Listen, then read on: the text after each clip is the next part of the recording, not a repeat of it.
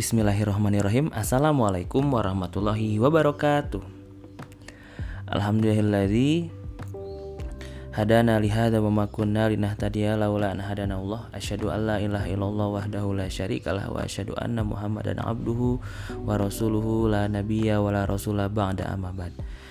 Ya, teman-teman semuanya, alhamdulillah pada kesempatan kali ini kita bisa bersilaturahmi lagi di podcast kesayangan kita semua. Podcast Know Yourself. Podcast tahu diri. mengetahui diri dan mengenal diri. Nah, teman-teman semuanya kita seperti seperti yang sudah kita bahas sebelumnya ya.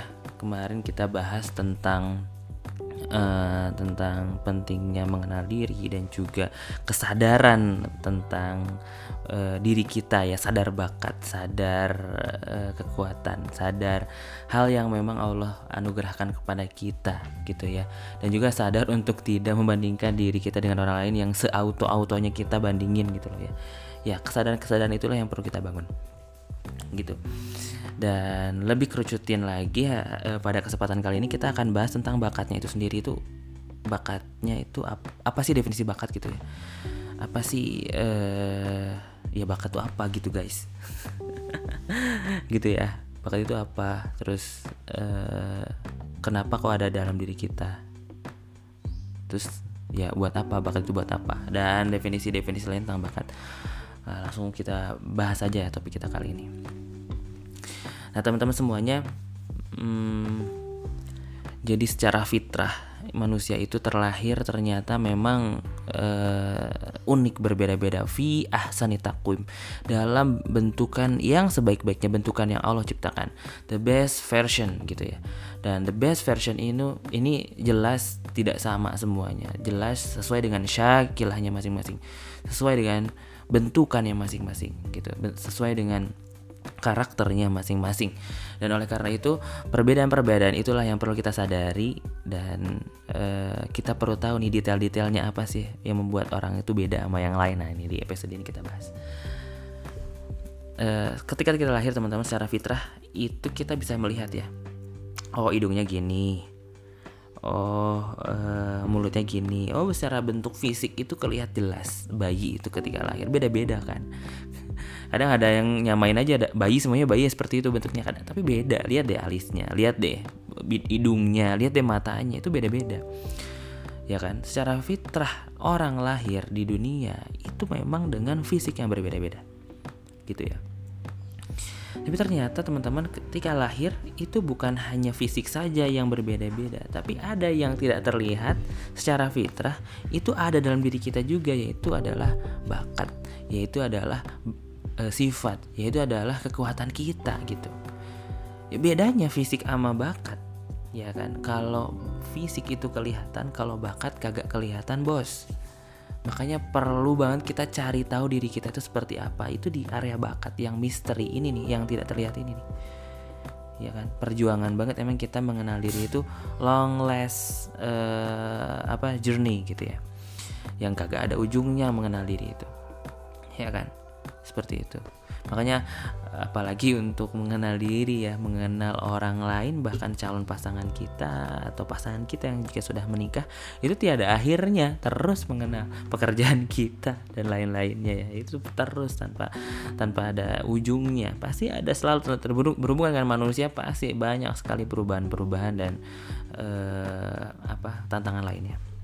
Nah anyway teman-teman semuanya baik lagi tentang bakat. Jadi bakat itu tidak terlihat dan itu yang perlu kita perjuangkan supaya kita tahu gitu ya bakat kita seperti apa dan area e, perjuangan kita tuh ke arah mana. Nah kayak gitu. Nah e, emang bakat ini kayak gimana? Nah kita balik lagi ke ini ya definisi yang memang sudah ada melalui konsep talent mapping ini gitu ya. Melalui penelitian-penelitian yang dilakukan oleh Galup riset-risetnya gitu dan juga yang dilakukan oleh penelitian yang dilakukan oleh Abah Rama sebagai foundernya gitu ya sudut pandang kearasan ternyata bakat itu teman-teman adalah sebuah eh, apa nih? Sebuah apa nih? Adalah sebuah uh, salah satu ya adalah respon spontan. Uh, definisi lain adalah uh, dorongan terbesar untuk melakukan sesuatu. Maka bisa diartikan juga bakat itu adalah perasaan perilaku kita yang berulang-ulang terus menerus dilakukan terjadi sama kita gitu. Ya kan? Berulang-ulang dan terus menerus seperti itu konsisten sebenarnya kita tuh kalau misalkan dibilang kamu tuh nggak konsisten ada kamu tuh ada konsistennya tuh setiap orang tuh ada titik konsistennya yaitu adalah di setiap bakatnya. Bakat itu konsisten. Kalau dia seperti itu kekuatannya insya Allah seperti itu terus gitu loh. Wah saya berubah dulu. Saya waktu SMP bisa public speaking jago. Saya uh, senang banget ngomong depan orang banyak. Sekarang enggak. Pertanyaannya waktu dulu uh, public speaking jago waktu SMP itu dorongannya itu benar-benar berbicara depan orang atau e, gak enak sama guru atau ingin tampil doang atau amanah karena jadi ketua osis atau apa? Nah ini menarik nih kalau misalkan nanti di track ya, ya di tracing menarik. Sebenarnya kita tuh orang yang seperti apa? Dorongan kita tuh apa? Nah oleh karena itu teman-teman kita coba definisi ini dikit ya, satu-satu ya dari definisi bakat. Tadi bakat saya sebutkan adalah respon spontan. Nah teman-teman coba nih jawab nih karena saya nggak bisa melihat nggak ada kolom chat langsung di sini nanti kita diskusi aja boleh ya. Uh, di media sosial yang bisa diskusi. Coba teman-teman respon sespontan mungkin secepat mungkin ya. Dengan kecepatan tinggi respon. Gak, gak perlu gak pakai loading gak perlu pakai mikir panjang langsung respon spontannya apa. Misalkan ya teman-teman ada e, misalkan ada 10 orang lah depan saya. Tuh ya bayangkan saya lagi ngobrol sama teman-teman gitu ya. Terus saya tuh nawarin eh ini ada uh, ada ini nih ada job nih. Perlu jadi MC tampil depan orang banyak. Ada kurang lebih ya seribu orang.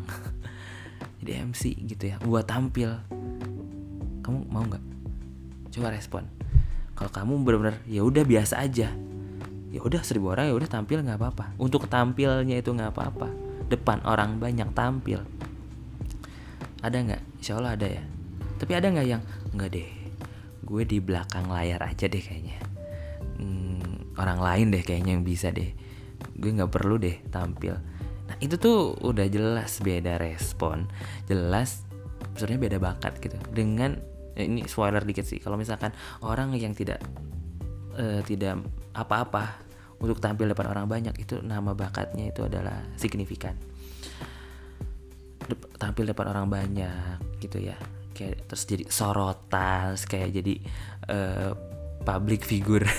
Yang nggak masalah lah jadi sorotan gitu ya berarti bakatnya itu adalah signifikan. Tapi kalau nggak mau tampil kayak berat untuk tampil berat untuk jadi sorotan berat untuk jadi seseorang yang dilihat jadi jadi poros utama penglihatan orang di sekitarnya signifikannya lemah. Jadi gitu ya. Kalau ada yang kuat ada yang lemah maksudnya gimana? Karena bakat itu adalah urutan. Jadi kalau dalam penelitian Gallup tuh semua orang tuh punya bakat yang sama gitu ya. Semua orang punya bakat yang sama tapi urutannya beda-beda. Nah, lo gimana tuh? Jadi orang itu punya bakat 34 bakat yang sama dari penelitian tersebut. Cuma emang urutannya beda-beda. Ada yang uh, futuristik. Ya ada yang signifikannya nomor satu ada yang signifikannya nomor tiga empat. Nanti ya kita bahas ada bakat belief beliefnya nomor dua atau tiga tiga jadi urutannya beda-beda gitu macam-macam. Nah urutan inilah yang memperlihatkan keanekaragaman orang-orang itu ya emang beda-beda gitu loh guys. Gue gak sih? Oh isi A tuh segini.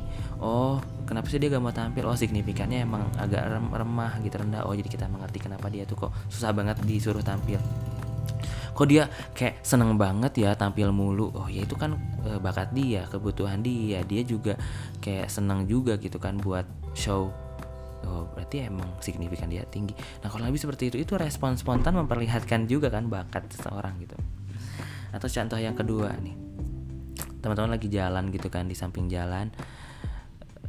Terus kayak ada orang yang jatuh gitu depan kita. Terus kita responnya apa teman-teman? Coba langsung ya respon spontan orang ngelihat orang jatuh gitu kan. Ada yang kaget kah?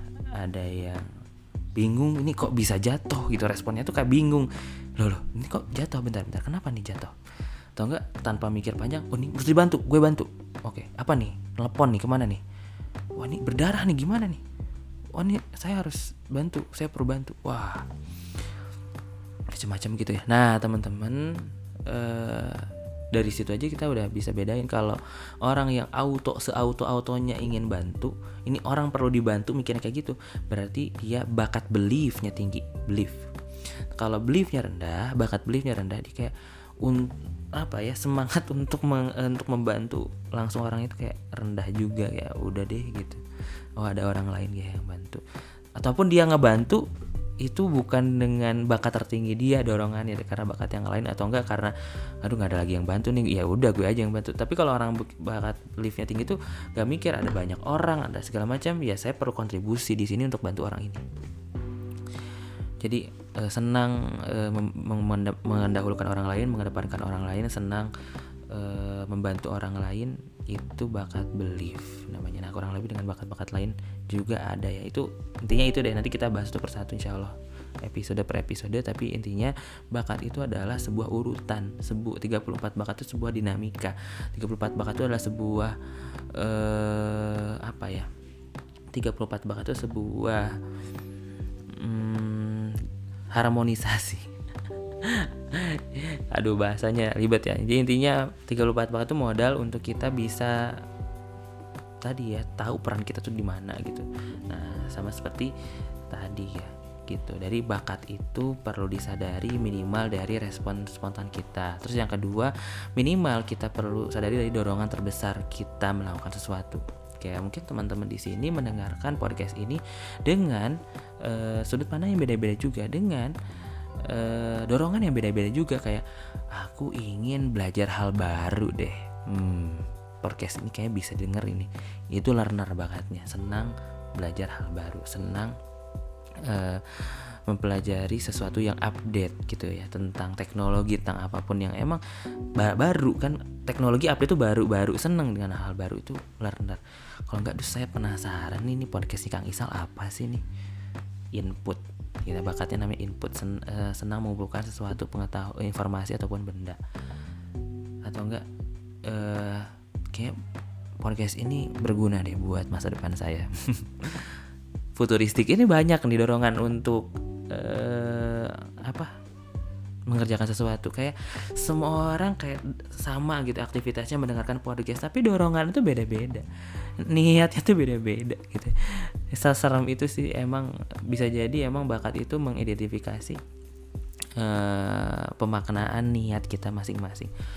Mengerjakan sesuatu ya dorongan terbesarnya apa? Ngajar ngajar ngajar depan orang ya kan? Di depan kelas itu ada yang ngajarnya itu karena e, signifikan senang tampil atau karena komunikasi e, bakat komunikasi menyampaikan pesan atau de bakat developer nanti ada kita bahas senang memajukan orang senang membuat orang jadi lebih baik lagi ngajarin orang atau bakat-bakat yang lain. Jadi ini dorongannya macam-macam gitu. Teman-teman apa dorongannya nih buat dengar podcast ini? Atau mengerjakan hal lain itu apa? Nah, dorongan terbesar itulah yang kita bisa identifikasi melalui bakat. Oke, jadi gitu dulu ya teman-teman ya tentang bakat. Dari bakat nanti dari dorongan terbesar itu bakat itu ada 34 kalau misalkan di Galup itu ya. 34 nanti dari bakat muncul kekuatan namanya. Jadi kayak tahapan. Bayangkan kayak tangga aja, bayangin kayak tangga. Dari bakat nanti muncul kekuatan. Kekuatan adalah aktivitas produktifnya itu apa? Aktivitas produktifnya itu ngerjain apa? Gitu. Itu kekuatan. Nanti dari kekuatan, dari aktivitas produktif ya teman-teman nanti jadi kayak kalau aktivitas produktifnya gini, bakatnya apa? Bakatnya uh, belief. Belief itu kan sif nanti bahasanya bahasa kesifat tuh. Bahasanya tuh bahasa sifat sekali lagi. Kayak senang membantu orang lain. Nah, bakatnya kamu berbakat nih eh, di belief. Kenapa? Kenapa? Karena kamu senang mengedepankan orang lain, senang membantu orang lain. Bahasanya sifat. Nah dari bakat itu nanti muncul kekuatan atau aktivitas produktif. Aktivitas produktifnya apa dari bakat senang membantu orang lain? Ya ngebantu orang aktivitasnya, bantuin orang, ya kan.